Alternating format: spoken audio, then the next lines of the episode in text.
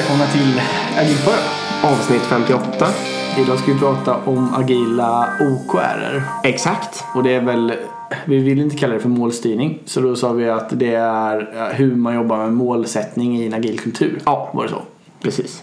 Men innan vi går in på det så ska vi puffa för lite saker då. Precis. Eh, våran eh, huvudsponsor Informator Utbildning. Gå in på agilpodden.se. Klicka på informatorloggan. Gå in och titta i hela kursutbudet. Det finns jättemycket. Hitta något som passar. Anmäl er. Skriv agilpodden i kommentarsfältet. Ja, superbra. Och sen så finns vi på Instagram eh, under agilpodden. Och har ni några frågor eller någonting så är det agilpodden.gmail.com. Precis. Eh, vi kan även säga att vi eh, gör en del föreläsningar kring de här agila ämnena. Vi har varit på Saab, vi har varit det. Mm. på IKEA och gjort några universitet också. Så det kan man passa på och höra av, oss om ni är sugna, hör av er om ni är sugna på det. Och sen får ni gärna stödja oss också via att köpa vår bok då.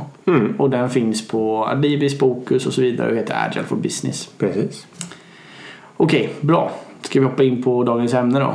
Precis. Mål i en agil värld eller en agil kultur. Det verkar ju faktiskt också...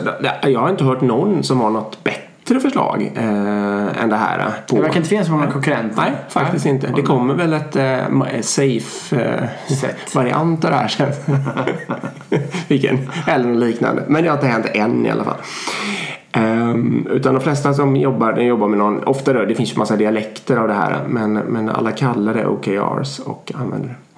Ja, precis. Jag tror det, det missbrukas också och det ska vi väl komma in lite på också då. Men man kan, vad är OKR då? Ja. Ni, ni, ni som kanske aldrig har hört det. Det är egentligen O står för Objectives Mm. och eh, KR eller KR står för Key Results då. Yes. Och de särskiljer man. Så objektiv är liksom själva huvudbiten, vi kommer gå in på det mer i detalj. Ja. Och sen till det här obje- objektivet så har man flera stycken olika Key Results då. Eller nyckelresultat. Ehm, ja, Ska vi ta var det började någonstans? Vem har hittat på eh, OKR? Ja, Andy Groove Just. googlades fram till på Intel. Ja. Jag, jag var rätt säker på att det var en Google-grej men det visade sig också att han hade gjort det här typ på 70-talet någon gång för Ja. Intel och sen så började han jobba med en snubbe och den här snubben började jobba på Google Ja. och sen så liksom där blomstrade väl kan man väl säga. Google är antagligen first follower på det här då. Ja, där och liksom de- fick det att hända och så vidare. Sen är inte jag säker på att Intel hade det på den liksom, organisationsnivån som Google har och så vidare. Nej precis och Google har ju något som heter Rework som är där de släpper artiklar och är helt transparenta med hur de jobbar med sådana här saker. Mm. Så vi har ju tagit mycket ska vi säga då av det här avsnittet har, eh, jag ju lärt mig eller läst. Via Google. Via Google, exakt. Eh, och sen idag är det ju ganska många företag som jobbar med det här OKR, alltså som har sett eh, och sätta det sätta mål, målstyrningen för företaget. Precis. Eh, några stora är LinkedIn, Twitter, eh, även Oracle. Va? Ja. Och även de har varit med och tagit fram och, utvecklat det här konceptet kan man säga. På Oracle skulle man ju vilja. Det är inte alls min bild av Oracle. Nu kanske jag förolämpar Oracle här. Men eh, man skulle vilja se hur deras implementation av det här eller hur det funkar i praktiken. Kan jag hålla, liksom. kan jag hålla med om. Jag är skeptisk Sjukt också. nyfiken. Ja, jag är skeptisk också.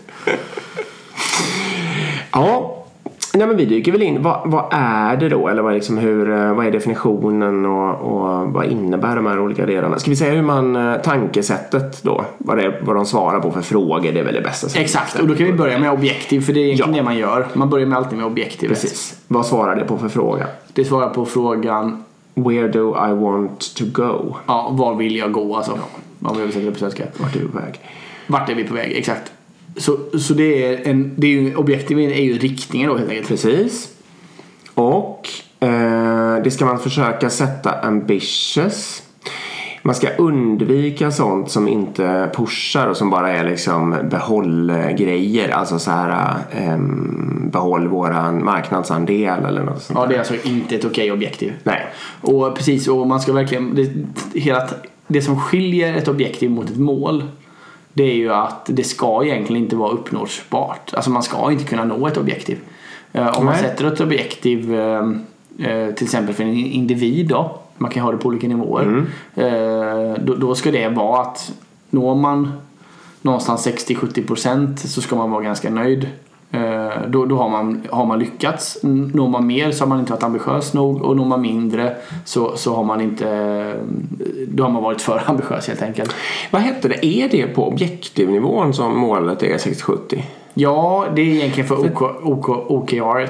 Ja, för hela grejen ja, precis. Ja, men då är det nog. För jag har nog oftast fått det förklarat för mig som att det är på key, alltså key resultet. Alltså att objektivet är något visionärt eh, som kanske inte ens är mätbart. Nej, det är egentligen key resulten som är mätbara. Ja, men då är vi överens. Ja. Så att om vi är kvar på eh, objektiv, då, Okej. är, då är det riktning och vision. Ja, precis. Men precis, det ska vara ambitiöst. Man ska inte då säga att vi ska behålla marknadsandel eller vi ska eh, behålla kunder eller vi ska behålla personal eller något sånt där. Det, utan det ska vara liksom vi ska ta över det här eller vad det nu kan vara. Precis. Eh, om vi hoppar till key result då. Då är liksom grund... Ja, precis. Vad svarar det på för fråga då? How will I pace myself to see if I'm going there? Det är själva grundfrågan. Hur ska jag takta? Vad är, hur, hur vet jag att jag taktar mig mot eh, objektivet? Exakt. Och eh, är typiska, vad ska man säga, så typiska, att om man lyckas med sitt KR så ska det verkligen bidra eh, och addera till objektivet. Annars är det inget bra KR helt enkelt. Nej exakt, utan det ska vara ett tydligt steg i den riktningen. Mot det som objektivet säger. Och de här ska vara mätbara. Det kan vara lämpligt att ha tre stycken KR för, per eh, objektiv. Ja, något. Och det är inte, men man, kan, man ska nog inte ha 13 KRs på varje objektiv. Utan det ska vara någonstans runt, runt 3-4 stycken. Precis. Tre är rekommendationer från Google då. Eh, och, de, och Google mäter dem på en skala från 0 till 1. Ja, Och det, men man skulle ju kunna tänka sig procent eller något sånt där. ja precis. Eh, Och den, exakt, och den, den taktningen kan man ju välja då men, men eh, det är ganska vanligt att man kör den veckovis. Att man kör, jag har själv jobbat med OKR eh, tidigare också och det är ganska vanligt att man mäter veckovis hur, hur ligger vi till på alla våra KRs nu då. ja, Och hur går de mot liksom då eh, ja, den, den takten som objektivet är satt på. ja, Och ofta då så är objektivet, jag tror Google gör så också att de sätter på kvartalsvis. Ja. Att det här är objektiv för vad vi ska uppnå som organisation på ett kvartal. Och då blir KRsen liksom en mätning på att okej, bygger vi upp nu så att vi kommer mot 60-70% Ja. av det här objektivet då. ja. Och de här, det, som man sätter som mål ska ju vara utkomst eller resultat så att säga. Det är ju viktigt. Så det får liksom inte vara aktiviteter. Nej, och det, det här tror jag de flesta gör bort sig. Ja, det är väldigt lätt. Jag, vet ju, jag har ju provat att sätta mig själv. Det, är ju ibland ex, det beror lite på vad man hittar på för objektiv. Men om, vi kommer in på lite olika nivåer av det här sen. Men om man pysslar med sådana här personliga eh, OKRs så hamnar man väldigt lätt i att man vill att de här KR ska vara aktiviteter. För det är lätt att mäta. Lätt att mäta. Ja, lätt att mäta och det, får, det blir också mer möjligt med den här stretch-grejen. Man har ju märkt att en fälla är att man väldigt ofta hamnar i att man vill ha dem digitala. Ja. Att du ska lyckas med en grej eller inte lyckas med den. Liksom. Ja. Ja, och det är ju fel då. Det är fel. Ja. Och jag tror det är så många gör. Nu när jag, jag googlade några för att få fram ett riktigt bra exempel så googlade jag några exempel. Men nästan alla jag hittade var ju aktiviteter. Alltså Ja, alla så. KRs var aktiviteter. Ja, vad roligt. Ehm, och det, det blir rätt så. Men, men det, tanken, det ska vara utkomsten av aktiviteten. Ja, påverkan Exakt. ska man beskriva. Ja, exakt. Påverkan är rätt svenskt ord för det. Eh, och det, där är väl egentligen utmaningen då att, att lyckas skriva objektivs då som är ambitiösa och liksom driver framåt. Samtidigt som du då ska ha vilken utkomst ska vi ha ut med vägen och hur bygger den utkomsten då ihop liksom till en totalhet som gör att det här objektivet uppfylls då. Mm, precis. Där är själva utmaningen. Och det här är inte så enkelt. Det här måste man, min, min, mitt, mitt starka, starka tips är att man itererar på det här många gånger. Eh, alltså om man har nu en process där man sätter det på kvartalsvis då, och så man säger att ja, vi sätter objektiv för den här organisationen kvartalsvis. Då ska man liksom börja med nästa kvartal när det är ganska gott, gott om tid kvar i befintligt, om vi kör Q1 då, så låt säga. Då ska man redan i mitten av Q1 börja iterera fram objektivsen i Q2. För det tar ganska lång tid och det här är någonting som hela organisationen måste kunna vara med och påverka.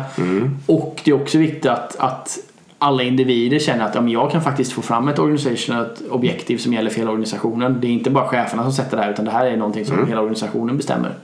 Eh, Och därför så finns det ganska mycket ledtider i att det, kommer, det tar tid att få fram de här grejerna.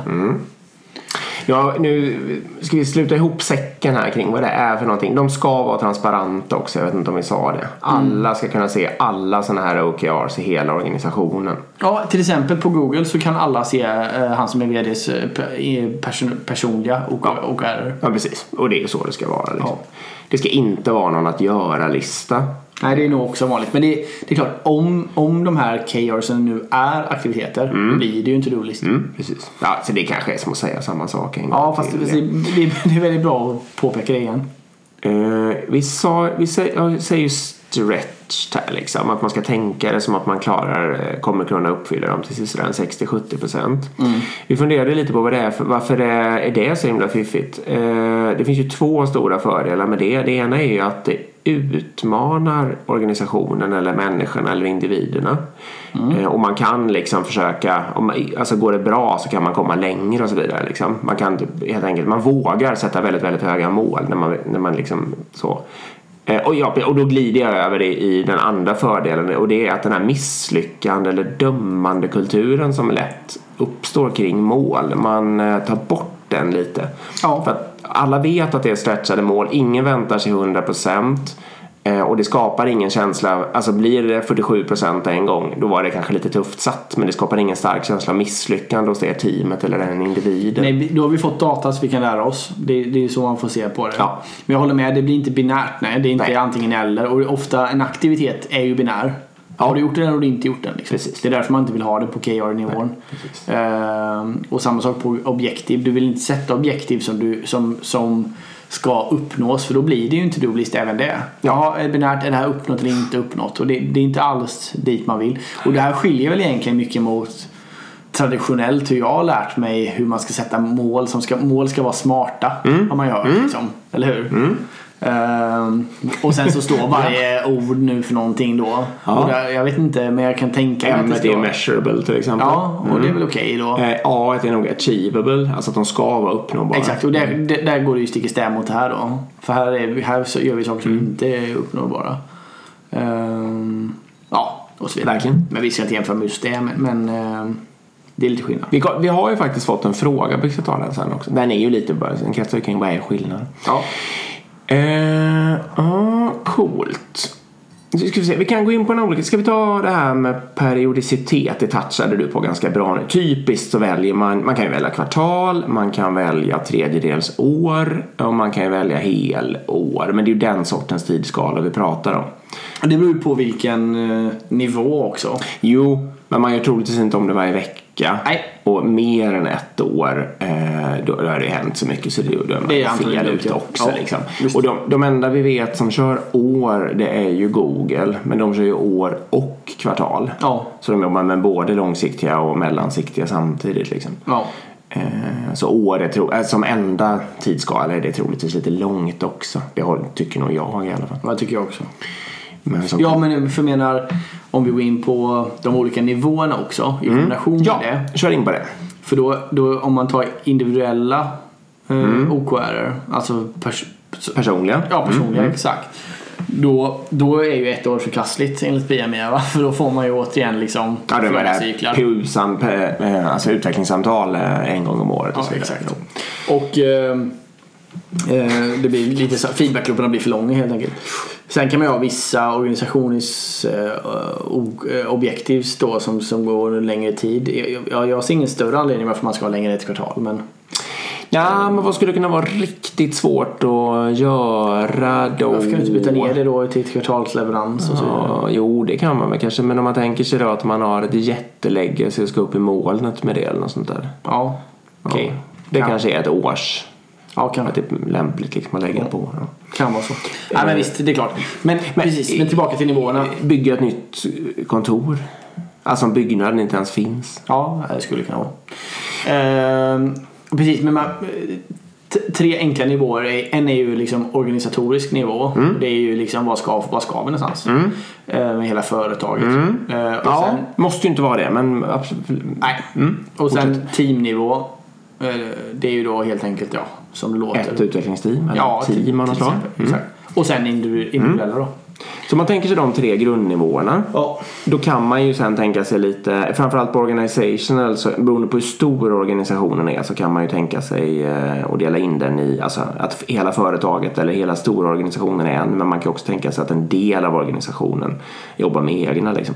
Och det här blir ju en sån där härlig, det beror på-fråga då, man måste ju hitta sin egen nivå här liksom. Ja. Eh, I hur många eh, nivåer man ska sätta Ja precis, måste varje hierarkisk liksom, nivå ha en egen eller och det- är väl, det kanske de ska ha men det är viktigt att det speglas uppåt då. Varje är osannolikt. Jag tror inte det heller. Om man men- har men- sån där med 6-7 chefsled eh, så ska man nog inte ha 6-7 nivåer av OKRs. Det är väldigt svårt att se. Det tror, jag, inte- det tror inte jag heller. Men, men, men det viktiga är att man, är- man, man funderar på det där och därför man väl också itererar fram och testar lite olika nivåer då. Om, Ja, vi testar att ha det på de här nivåerna. Men det som är bra med det här också är att fast ni sitter nu i en traditionell organisation som jobbar med liksom helt annorlunda så det finns ingenting som hindrar att, att jobba med det här också. Nej. Eh, utan jag menar, är ni, sitter ni och ansvarar för ett, eller har ett team, ja men bra, sätt några OKR på ett kvartal för teamet, vad vill ni uppnå? Och sen sätter man några OKR för individerna också. Ja. Till exempel. Precis. Det går att göra det utan att det finns en koppling till eh, strategin eller hur, hur Ja. den övriga målsättningen eller projektplanerna eller portföljhantering Ja. och så vidare hanteras. Eh, Det, det, fungerar, det fungerar jättebra.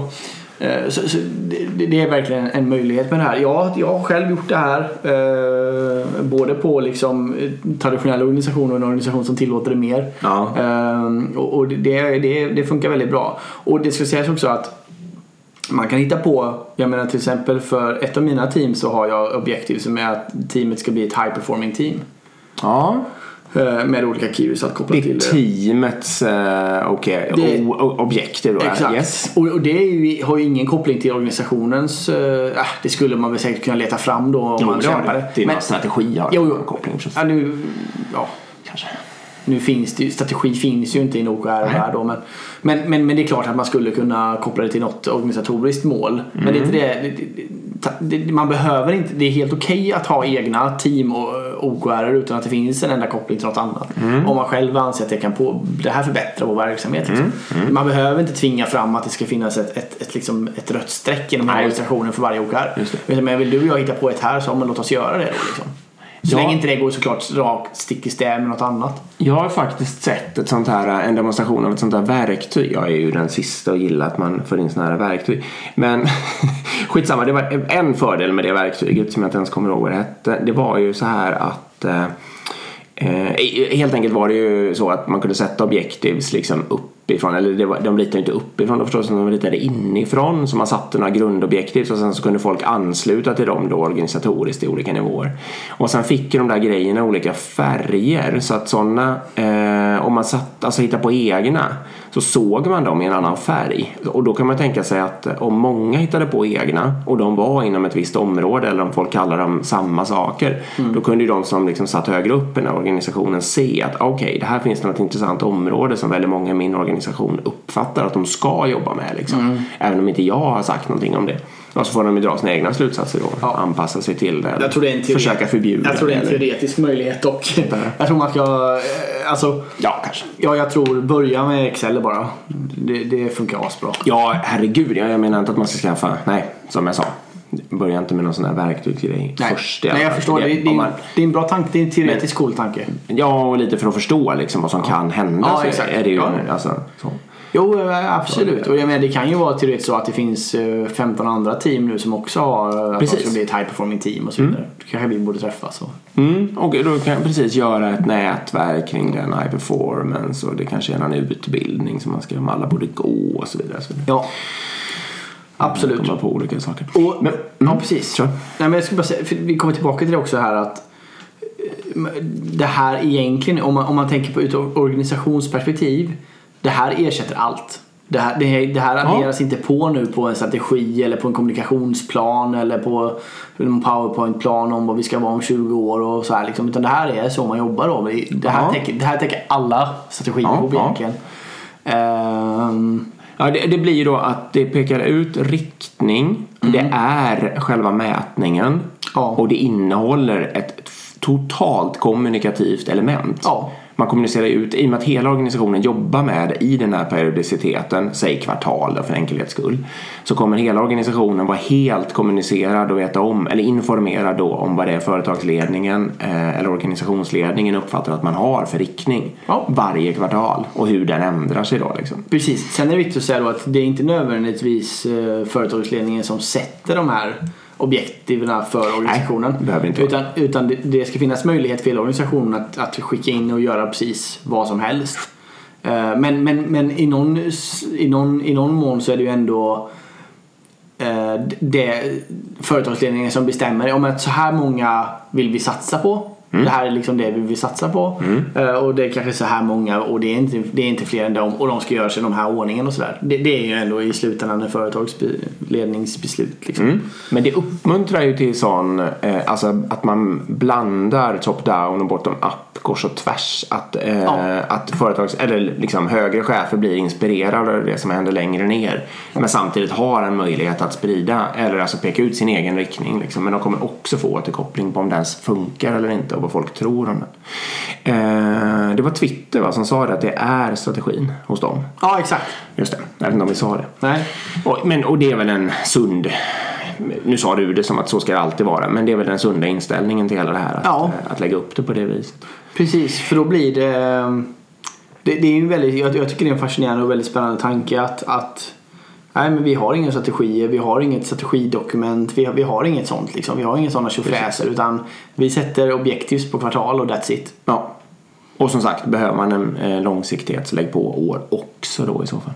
Ja, ja precis. Exakt, lägg på år. Ja. Bara för att vara tydlig här nu om ni tyckte, för Erik sa ju för två sekunder sedan att man kan prova även om det finns eh, en strategi. Eh, och då, det vi menar nu är ju liksom att ja, det kan, om man jobbar i en del av en organisation och har såna här eh, gammaldags strukturer så ska man inte vara rädd för att prova OKRs i sin egen del, till och med nere på teamnivå. Nej. Eh, Men om man av någon anledning har inflytande över liksom hur hela organisationen ska jobba framåt då ska man ju definitivt eh, föreslå att man sopar allt annat och ersätter det med Ja, varför inte testa? Hade jag blivit eh, CIO eller CEO på Folksam eller något sånt där nu. Då hade jag ju absolut med, med största sannolikhet skrotat. Nu har inte jag en aning om hur Folksam har det så inget ont om Folksam. Nej, Du kan ta det- Försäkringskassan vi- eller vad som helst. det Eller... känner ju lite folk på båda dem. Jag har inte hört att de är går bananas med. Nej, mest troligt inte. Nej. Mest troligt inte. Det hade vi nog vetat. Ja, men, men det var inte det svaret på mig. Nej, förlåt. ta Avanza, ta vad som helst. Eh, hade jag blivit högsta chef där så hade jag ju mest troligen skrotat alla former av strategier och bara jobbat med det här som verktyg för att driva hela organisationen framåt. Och, och jag vet att det fungerar. Ska vi se, vågar du dra något exempel på uh, någon OKR? Ska vi, ja, men ska vi gå till vår egen sorceria eller något sånt där? Ska, vi, ska vi ta något liksom? Nej men det var ganska bra med eh, om vi tar eh, att man ska flytta över, flyt, flytta sig till moln då. Ja, precis. Vad är egentligen objektivet då skulle kunna vara att ta sig ur serverhallen helt och hållet för att kunna lägga ner den liksom. Ja. Det skulle kunna vara kost och lite sånt där i det och sen så är det ju massa alltså, högre hastighet när man eh, utvecklar i molnet. Ja. Det är lättare att liksom få upp nya miljöer och så. Ja. Eh, Så jag menar, ett stretch goal skulle ju kunna vara, om vi tar återkopplat till Daniel Wellington avsnittet till exempel, skulle det kunna vara att säga då att vi ska bara ha serverless, alla Ja. våra applikationer ska köra serverless. Ja, på ett kvartal. Ja, i ett moln, eller i, ja precis. moln. Ja, precis. Eh, och sen då, vad skulle hända nere på ett visst team då? Du har ju ett visst team, har ju vissa applikationer säkert i det där. Och då skulle, de, då skulle de ju kunna sätta 100% upp i molnet just det kvartalet kanske eller något sånt där. Trots att de vet att det kommer vara jättekämpigt. Ja, precis. Är det, blir- okej då eller? Är det ett bra KR? Nej, nu ska vi se då. Ja, exakt. det, är, precis. det låter så himla... Ja, det, är inte, det är därför jag säger att man måste iterera på det här. Man, måste, man, man kan inte sätta det bara och sen låta det vara. Utan man måste det- iterera fram det. Om vi hade kunnat, skulle komma med klockrena exempel skulle vi förstås ha förberett och det har vi inte gjort. Nej. Nej. och jag skulle säga också att det, för det jag skulle göra i det här fallet skulle ju vara att säga då att okej, men ett, ett organizational objektiv det är att vi ska, om en till exempel då bara ha serverless applikationer. Ja. Ehm, och sen så skulle jag ju då låta min organisation hjälpa till och Ja, okej, ja. vilka KR ska vi ha då? Men jag tänker om vi på ett giss- år eller på ett kvartal. Ja, men om vi gissar att vi vill ha ett utvecklingsteam, vad tror du att vi skulle sätta för KR då? Det var så jag menade. Ja precis, jo, då, då ska vi sätta inte aktiviteter utan nu ska vi sätta Nej. outputen av aktiviteter. Så säg att aktiviteter skulle vara att vi skulle stänga ner några applikationer. Vad är outcomen av det då? Ja. Nej, det, jag är faktiskt, för jag, skulle, jag, jag faller direkt in i det att då skulle jag säga alla applikationer borta från serverhallen liksom. Ja, är det en outcome? Jo, men det är väl en outcome. Men om man tar det här med high performing team då till exempel som ett objektiv. Ja. Vi, ska, vi ska vara ett high performing team. Det, är, det är inte nåbart på ett kvartal att bli det när ett Nej. team är nytt, det vet vi. Ja. Eh, eller säg, vi, säger, vi säger att det tar 6-9 månader under perfekta omständigheter att nå ett high performing team. Då. Ja, Så kan vi säga att eh, okej, men målet är det på ett halvår då. ja, Det är väl, då landar vi runt 60-70% ja, det är väl sant. till exempel. Ja men vi tar det som ett exempel. Men det är ju inte då, då är ju till exempel... mätbart då kanske. Ja men, jo men Kirius Har räknat sig själva då kanske. Ja exakt, jo men ja exakt. Ja. Och man kan ju med, ja det kan man ju teoretiskt mäta. Ja, man kan ju mäta Självtyck, velociteten assessment. eller något sånt. Ja, och assessment på Ja. Ehm, jo men då skulle ju då ett key result där kunna vara att, ehm, eh, att, att till exempel utbildningsnivån ska öka på med teammedlemmarna. Ja, Och sen får man ju, okej vilka aktiviteter kan leda till det då? ja. Och då är liksom kunden, ja det blir självskattning på kunskapsnivå då eller något Ja, till exempel. Mm. Till exempel. Ja, precis. Det här var ju bra, bra att vi tog upp det här, tror jag. För det är så man behöver börja tänka då. Liksom. Men nu Ja, säger vi inte att de här grejerna vi drog precis var är klockrena på något sätt. Utan de är ju typiskt eh, föremål. Alltså de är ju en bra input i en första iteration. Mm. Helt enkelt. Ex- Exakt, det, och är så man skulle behöva sitta då och tänka eh, Okej vilka aktiviteter skulle vi vilja göra? Men jag skulle ändå vilja Jag skulle vilja prata om teamdynamik och grupputvecklingsteori med de här liksom Med teamet om okej det finns fem stadier i gruppdynamisk utveckling liksom. Okej det, då måste jag göra en utbildningsaktivitet. Ja, vad ger den utbildningen? Om det ger en ökad kunskapsnivå. Okej bra, det är outputen av aktiviteten då. Den outputen ska ju vara mätbar.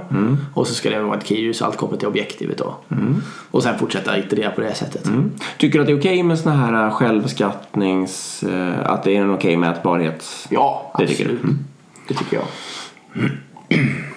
Det behöver egentligen inte, den behöver inte vara datadriven så att säga utan det är bara en känsla. Mm. Ja, det blir det ju. Precis. Då blir det ju maggropskänslan Ja, ja, men de ingående medlemmarna. Liksom. Nej, men det är okej kanske. Det tycker jag i alla fall är helt okej. Mm. Utan att ha tänkt efter på det jättemycket men det känns absolut spontant. Jag tror det blir väldigt, väldigt svårt annars.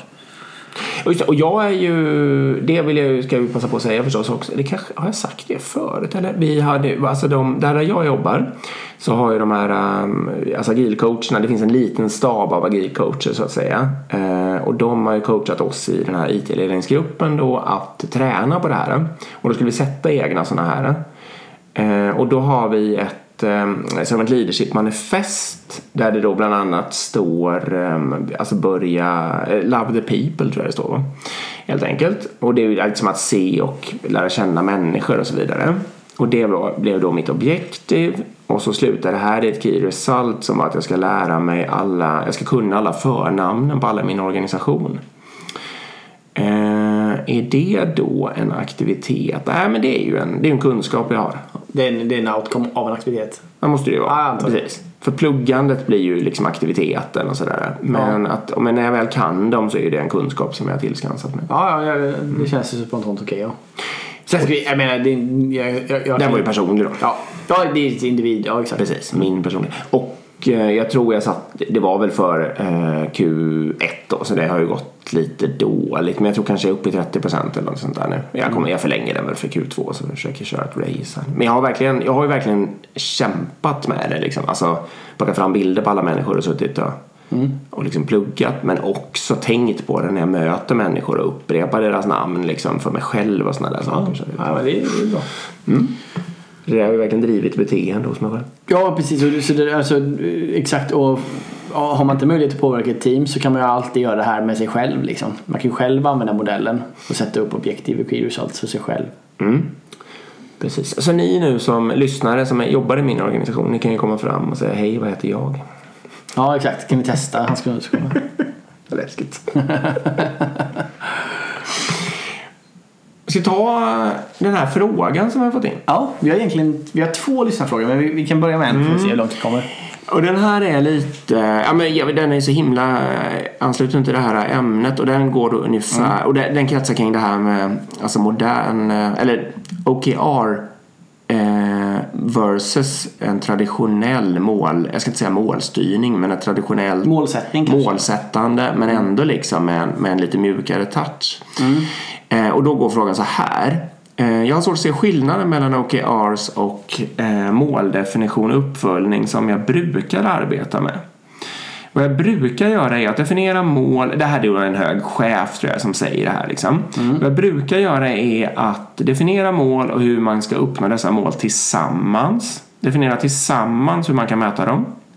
Komma överens om en prioritering. Följa upp månadsvis som kan leda till ändring av målet, aktiviteter, prioritering med mera. Och då, precis, och då är ju det här, det är ju inte det här att den höga chefen sätter mål, trycker dem neråt liksom. Det är inte så den här personen har arbetat eh, fullt ut. Så vi satt och försökte analysera det här lite förut och liksom, vad är egentligen skillnaden då? Först och främst är ju skillnaden att eh, den här, alltså själva objektivdelen saknas kanske i den traditionella målsättningen. Ja, precis. Och sen, Riktningen. Och, om man då vill vara välvillig då kan man ju säga att eh, strategin som troligtvis finns i det här caset då den är, eh, ska ju ge det här objektivet då liksom. Och att de här målen som personen pratar om är bara KRs. Ja, så skulle man kunna tolka det hela. I så fall, det som jag verkligen kan se som skillnader här är då att när jag jobbar med sånt här traditionellt eh, då är ju inte de här målen transparenta. Nej. Det, ja, det är en stor skillnad. KRs är transparenta i hela organisationen men en annan målsättning är ofta mellan medarbetare, chef och kanske några till liksom, på något sätt. Eh, de är... och så- ja, än, eller ännu värre. Ofta är det så att det är någon ledningsgrupp som har satt upp dem och sen sitter de och mäter på dem helt själva. ja, det förekommer Och så också. sitter de och liksom pluppar att ja, men det här anser vi är grönt gult på. Och så är det där helt ovanför huvudet på alla som, som det påverkar. Men så tror jag i och för sig inte att det var i den här frågan. Nej. I det här fallet var det mer en tillsammansinriktning då. Så det här var ju liksom ett steg i riktningen mot eh, Sen är ju frågan om det där är tillsammans med organisationen eller om det är tillsammans med andra chefer. med andra chefer tror jag. Ja, exakt. Men, men de skulle i sin tur kunna fortsätta jobba på samma sätt neråt. Jo, men det är ju, Ehm, det, ja, det är ju ett Nej, fest. ja. Ja. det är ju visklek och allt det här. Och har man den totala transparensen då kan alla kolla vad den absolut högsta chefen har tänkt och satt och vad han har för, eller hon för den delen har för objektiv på sig själv. Eh, och så fundera över liksom vad de vill ha utifrån det. Eh, skillnad nummer två är ju just det här med att de alltid är, KRs är alltid utkomstbaserade och att de inte är aktiviteter. För sådana här mål, klassiska mål är ju väldigt, väldigt ofta aktiviteter. Och sen är det... eh, Jag ska själv- anställa tre personer. Ja. Sen är det själva stretchfördelen. Ja. Eh, eller eh, själva det faktum att de är stretched och då är det de fördelarna som vi nämnde. Det går att utmana och eh, man får, man liksom kap, jag ska inte säga det, det är klart det går att döma på KRs också. Men känslan av dömande och misslyckande är, det är mycket, mycket mindre risk att man hamnar där när man jobbar med sådana här väldigt stretch goals. Ja. Eh, tycker jag. Nej men du, det är helt rätt. Så exakt. Och problemet är ju att uh, återigen den här fällan att om man kör OKR och man sätter objektivet helt mätbart, alltså binärt ja, nej, du uppfyller, uppfyller inte, det är 100% som gäller, annars har du misslyckats. Då, då är man ju tillbaka i den här klassiska målsättnings tjofräsen. Jo, precis. Som inte ofta är så gynnsam utan det, och det kanske inte heller driver så mycket motivation hos folk utan det är snarare ett en, en jobbig grej som bara driver ångest. Precis. Just det, det har vi inte sagt heller. Det är ju för 17 en av de största fördelarna som jag ser med hela det här. Det- var så självklart att jag inte ens tänkte på det. Men det som jag själv, när jag står upp eh, vad ska man säga, föreläser och pratar kopior och sånt där. Min absolut största invändning mot det är ju att, eh, för fördelen då som brukar lyftas fram är ju att det man följer upp blir gjort ungefär. Ja, just det. Ja. Eh, och det är ju lite sant då liksom. Eh, och min stora invändning är ju att eh, det man följer upp blir gjort och ingenting annat. Och om man framförallt sätter kopior i en top-down kontext så att man liksom chefen eller ledningsgruppen hittar på kopior och de bryts ner till andra kopior och så vidare. Då blir det ju helt enkelt, då kommer ju och, och har en lite hierarkisk organisation där kanske psychological safety inte är skyhög. Eh, då är det ju precis, då kommer ju folk att försöka hålla ryggen fri. De kommer göra allt för att uppnå sina kopior. Får jag nämna ditt eh, inlägg på LinkedIn? Ja, verkligen. Ja. Eh, Erik skrev ju ett otroligt delat inlägg om, eh, jag vet inte om ni har varit på Max Um, och käkat mat, får vi säga? Ja, det får vi säga. Sånt där. Ja. ja. Och, och så det, är det är inte Sveriges Radio. Nej, ja, precis. Inte Sveriges Radio. Får vi säga så? Ja. Nej, nu får jag släppa. Eh, jo, och så köper man maten antingen, om man köper det i appen framförallt, är det jag brukar göra. Men jag tror det blir samma sak om man köper det i automaten där. Ja, Eh, då, då är det en grej som tickar fram till när man ska komma fram och hämta maten. exakt. Du får nummerlapp, den åker i en backlog och sen när det står done, Ja, eller exakt. färdigt, så då, då får du gå hem. Och då går, sådana människor som vi då, då köper man ju det appen kanske innan man har kommit dit och så kanske man kommer dit och det är en liten stund kvar. Då kanske man sätter sig liksom och pratar eller något sånt där och så står det att det är done och då går man fram. Och så är inte maten klar. Nej. Nej. Det, här har vi inget belägg för men man misstänker ju starkt att det finns ett KPI om att den ska vara klar inom en viss tid för att någon ska få ett sånt här mål uppfyllt. Liksom. Ja. Och då driver ju det beteendet att istället för, om det då inte riktigt hinns med så trycker de på någon knapp så att den är låtsasklar. Och sen så står de och har manuellt i huvudet vilken mat de ska slänga fram när den väl är klar på riktigt. Liksom. Exakt, och jag, jag, kommer- jag, jag, det här har stört mig länge då. Så det, var så, jag ska bara säga det, för det var så kul för jag skrev, jag skrev ett li- LinkedIn eh, bara Ja, det fun blogginlägg, liksom. Ja, exakt. På LinkedIn. Och det är roligt. Jag har verkligen inget belägg för att, att Max har en KPI på detta. Utan, och det skrev, jag också. Det är roligt. Jag tror den har 80 000 delningar nu, det här inlägget. Eller 80 000 visningar och typ 600 likes och sånt där. Så det blir ju super. Det, det är ju för att folk känner igen sig också. Men det är just Ja. det här felaktiga beteendet. Och jag ska bara säga, det, hur det, för om man hoppar in, som jag skrev också i det här inlägget, på Max ledningsgrupp nu. Mm. Då har de ju tänkt helt plötsligt, alltså man kan ju tänka så här liksom att ja, men det är skitbra att vi vet hur lång tid tar det från att maten beställs till att den levereras. Då kan vi jämföra restauranger mot varandra. Mm. Ja. Alltså den, den restaurangen som är bäst kan teoretiskt coacha den som är sämst. Ja. Om vi kortar den här tiden över tid så måste kunden bli nöjdare. Ja, exakt. Gladare. Var Man- fortare. Ja, och så, Oh, det finns, bra. Ja, massor med sådana grejer. Och jag varenda gång på Max är jag svinförbannad för att när de tar fram Ja. den här i done och jag måste stå där i två minuter ytterligare Ja. längst fram utan att kunna sitta och prata med dig och eller fippla min telefon eller vad jag nu vill göra. Exakt. Så behöver jag stå där vilket gör mig totalt, hade det tagit 10 minuter längre och jag hade fått sitta tills maten är klar så hade jag varit nöjdare. Ja, du går fram, brickan står där. Exakt. Allt bra. Och hela felet här då, eller vad man nu vill kalla det för, om det nu är så. Det är ju just att, ja, men, objektiv är ju egentligen, om man hade gjort en OKR-struktur på det här, då skulle objektiv kunna vara nöjd kund eller något sånt Ja. där.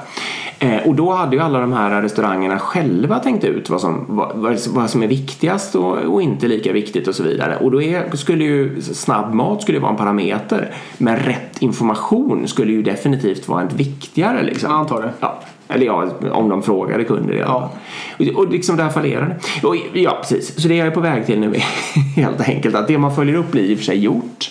Men risken är att, att man suboptimerar mot det man följer upp och att bara det man följer upp blir gjort. Om ni kör OKRs istället så får ni liksom samma effekt av att organisationen jobbar åt det hållet som ni vill men organisationen tänker själva ut det bästa sättet att göra det på och se till att bidra till det här målet eller den övergripande eh, riktningen som, som någon har pekat ut. Eller organisationen hjälper till att peka ut den själv. Jag kan säga det också för jag menar om man sätter på, om man bara använder med det, om, om jag återigen tar över Folksam här nu då. Eh, eller något annat. Och så sätter man de här det här tycker jag att vi ska ta, liksom, ta oss an som företag. Eh, och det här ska vi driva när- närmsta kvartalet. Det, det, det är ju inte så att jag nu säkerställer här i någon sån här portfolio management historia att, att alla team har något att göra liksom. Nej. Utan det här är ju det viktigaste nu. Ja. Och sen så får jag då man kör någon commitment-runda i att ja men alla team, det här funkar, vi har inga flaskhalsar och det går vägen Ja. liksom. Men om det sen är 15 team som inte bidrar till de OKRerna då får de ju helt bara autonomt förbättra sig själva. Ja. Liksom. De får jobba med det de tror är viktigt bara. Ja. Eh, helt, helt fritt styrt från ledningshåll då liksom. Och det är väl det som är så viktigt. Jag menar, Mm. eh, det här att, för det, det intressanta är inte resursoptimering. Nej. Eh, Men även portföljhantering är ju det här, har alla full beläggning liksom? Portföljhantering är jag, det, det får vi kanske ta ett, ja, vi kanske, har vi tagit ett avsnitt? Ja, men det kanske är dags igen. är kanske dags igen. Fy, fan för, för, för. Det beror ju på hur det görs. Ja, men jag har aldrig Men det sett... leder ju jag, jag, jag kan säga, dåliga beteenden. På de sju åren jag har jobbat och varit runt på massa företag så har jag aldrig någonsin sett en bra portföljhantering. Nej, på företagsnivå. Nej. Nej. nej. Nej, och inte ens på någon nivå tror jag. Eh, kanske inte. Ehm, Men det är en annan sak. Mm. Nej men precis. Så att eh, det är liksom, skönheten i det är ju just att man får, man frigör ju människans kapacitet att tänka själv inte utan att döma henne och få den att jobba i och ska, vara med och skapa och jobba i organisationens totala riktning. Bra. Vi tar en lyssnarfråga till. Ja. Som inte... Exakt, nu släpper vi. Nu är vi klara Ja, med OK Hours. nu släpper vi OK Hoppas Hours. ni förstår vad som är. Och jag menar, om ni jobbar med det här på ert företag och det funkar skitbra och det liksom, ni tycker att det här, är, det här är ju, funkar jättebra eller det funkar inte alls bra så kan, skriv in till oss så Mm. kan vi få veta lite mer. Då är det ju bara agilpodden.gmail.com Precis. Ja, exakt, vi har fått in en lyssnarfråga här från Oskar. Mm. Som säger att han eh, följer vår podd och att han älskar den. Så det är ju kul. Det är bra ämnen och bra gäster. Mm. Oskar. Tack, tack. Och så skriver han då att ni pratar en del om att ta upp kring, exempel i att vi i agil, som jobbar i agila organisationer då aldrig skulle välja en leverantör som inte arbetar agilt. Mm. Men hur ska man göra det tvärtom? Alltså man har ett team som arbetar agilt och Nej, man är leverantör. man är leverantör av en produkt till ett företag som inte jobbar agilt. Så han sitter alltså i den jobbiga sitsen att själva leverantören är agil men beställaren är oagil. Egentligen är ju det här, eh, om man tittar på den tidiga fasen av en agil transformation då är det precis det här som händer, om man, ja, det beror på vad man kallar IT, men IT skapar ju IT åt en ofta eh, icke lika agil verksamhetsorganisation i ett tidigt stadium. Liksom. Ja, precis. Hur gör man då? Vill du börja? Ja, det beror, på, det beror på hur stor den här firman är också. För jag tänker att alla kunder är ju antagligen inte På en oagila. massa saker. Ja, det, det, som alltid. Men jag tänker så här då. Om jag hade satt, satt på O- Oskars hatt här så Ja. hade jag tänkt okej men mest troligen så finns det ju om firman är agil så har de mest någon form av agil kund där det funkar, mycket, där det funkar bra liksom.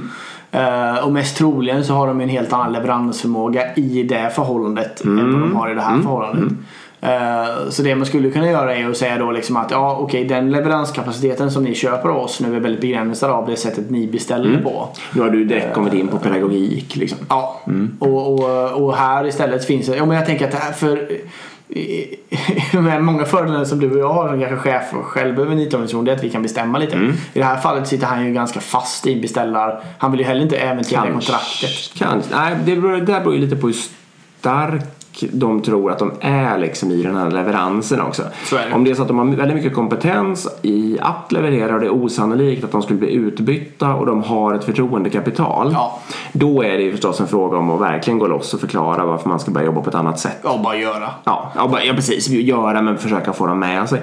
Men det är klart att om förtroendekapitalet är väldigt, väldigt lågt och man Ja, och de är starkt utbytbara och så vidare. Exakt. Då blir det ju ett lite annat läge. Ja, precis. Men, men då blir det ju mer som jag, då blir det mer som jag är inne på. Alltså då får man ju visa här att i, alltså, för mig som leverantörsföretag så antar jag att ert, ert främsta mål eller ett av era främsta mål är ju att göra en bra leverans Ja, för förstås. kunden liksom, eller för beställaren. Och då, då kan man ju bara visa det och säga det att vi tror att liksom, om ni skulle beställa eller ändra ert sätt att arbeta på likt kund B, C och D här borta Mm. så skulle vi också kunna få upp en leveransförmåga som är mycket, mycket högre Mm. än, än den vi har idag. Vilket skulle generera nöjdare slutkunder, vilket som skulle göra det roligare för oss att arbeta Mm. och så vidare. och så vidare. Ehm, så det är ju ett alternativ att göra Mm. det då. Sen har nu gissar jag ju lite men jag skulle tro att ni sitter i det läget att ni liksom har en egen utvecklingsfabrik som är agil och så får ni någon slags proxy eller gränssnitt mot den här oagila beställningen. Och, det betyder ju att hela värdekedjan då inte liksom funkar bättre än den svagaste länken och så vidare. Men det finns ju liksom ingen anledning att förstöra sin egen utvecklingsfabrik utan det får man ju bara bibehålla den och så får man ju försöka sprida kulturen uppåt och neråt i värdekedjan från den liksom på något sätt ändå. Eh, Ja, det är skulle jag säga. Ja. Men, men heller inte fortsätta finslipa på sin egen utvecklingsfabrik. För det är viktigt att vara medveten om att det hjälper absolut ingenting överhuvudtaget ehm, när man ändå inte kan förbättra värdekedjan för att det ändå sitter en annan flaskhals i den. Nej, men, och det är ju helt rätt. Och, och det, det, det är där energin kan ta slut och det är där Ja. säkert din frustration kan växa. För Ja. du vill säkert se att ja, men vänta nu, utvecklingsteamet här kan ta tre steg till och vi kan bli bättre och bättre Ja. och finslipa och iterera fram en bra lösning här. Men samtidigt om beställarorganisationen och eller gränssnitten precis som du säger Ja. ligger efter och inte gör sina förbättringar då ser man liksom om bara de skulle ändra sitt arbetssätt lite så skulle allt bli tio gånger bättre. Men om vi optimerar sönder oss här så kanske saker blir en och en halv gånger bättre. Ja. Så det blir liksom inte Ja, värt och det med 10% relativt. och sånt där, liksom. Det blir inte värt det relativt Nej, insatsen liksom. Och det, det är ju frustrerande. Men det, det, det man kan göra också är ju att börja då, ja, okej men kan ni skicka in någon produktägare eller produktchef Mm, liksom? Kan ni, kan ni ta den rollen för visa? Kan, kan ni börja ta affärsutveckling? Och så vidare. Vad heter det? Små steg, eh, känna sig fram, ha tålamod. Det är ju de klassiska grejerna som man behöver jobba Ja, med. visa go- goda exempel Ja. att funka. Försök gå in och infiltrera, ta en roll. Ja, Eh, utse en produktägare om det inte finns. Ja, exakt. Och till och med försök påverka produktchefen. Mm. Om inte den personen är aktiv så sätt en proxy framför bara Mm. som får ta den rollen och agera som Ja. det. Och höra av sig 50-11 miljarder gånger till Skriv rapporter varje vecka till den riktiga och sådär. Exakt. Den stilen. Mm. Ja, coolt. Hoppas det hjälpte lite i alla fall. Ett annat sätt Ja, är också att skapa ett team med den här tråkiga produktchefen då. Eller Mm, produktägaren eller chefen. Och säga det att ja, men jag tror vi behöver komplettera varandra och vi vill ta in tre andra personer här. Men du ska ju klart bestämma. Och Mm. sen så liksom tar man bort allt arbete från den personen bara på, med, med, på ett snyggt sätt. Mm. Ja, då, kan, då kanske den börjar engagera sig på ett positivt sätt. Också. Ja, det är eller bara checkar ut och så Eller bara blir allt bättre. Ja. Okej. Ja, precis. Hoppas går. Du får återkomma hur det gick då. Mm, verkligen. Vi rundar där. ja. Vi återigen tackar Informator då för Ja. att de är med och fortsatt sponsra oss. Vi eh, ses på Agila Sverige kan jag säga det. Släpps det här? Nej, det kan jag inte säga. Nej, nu.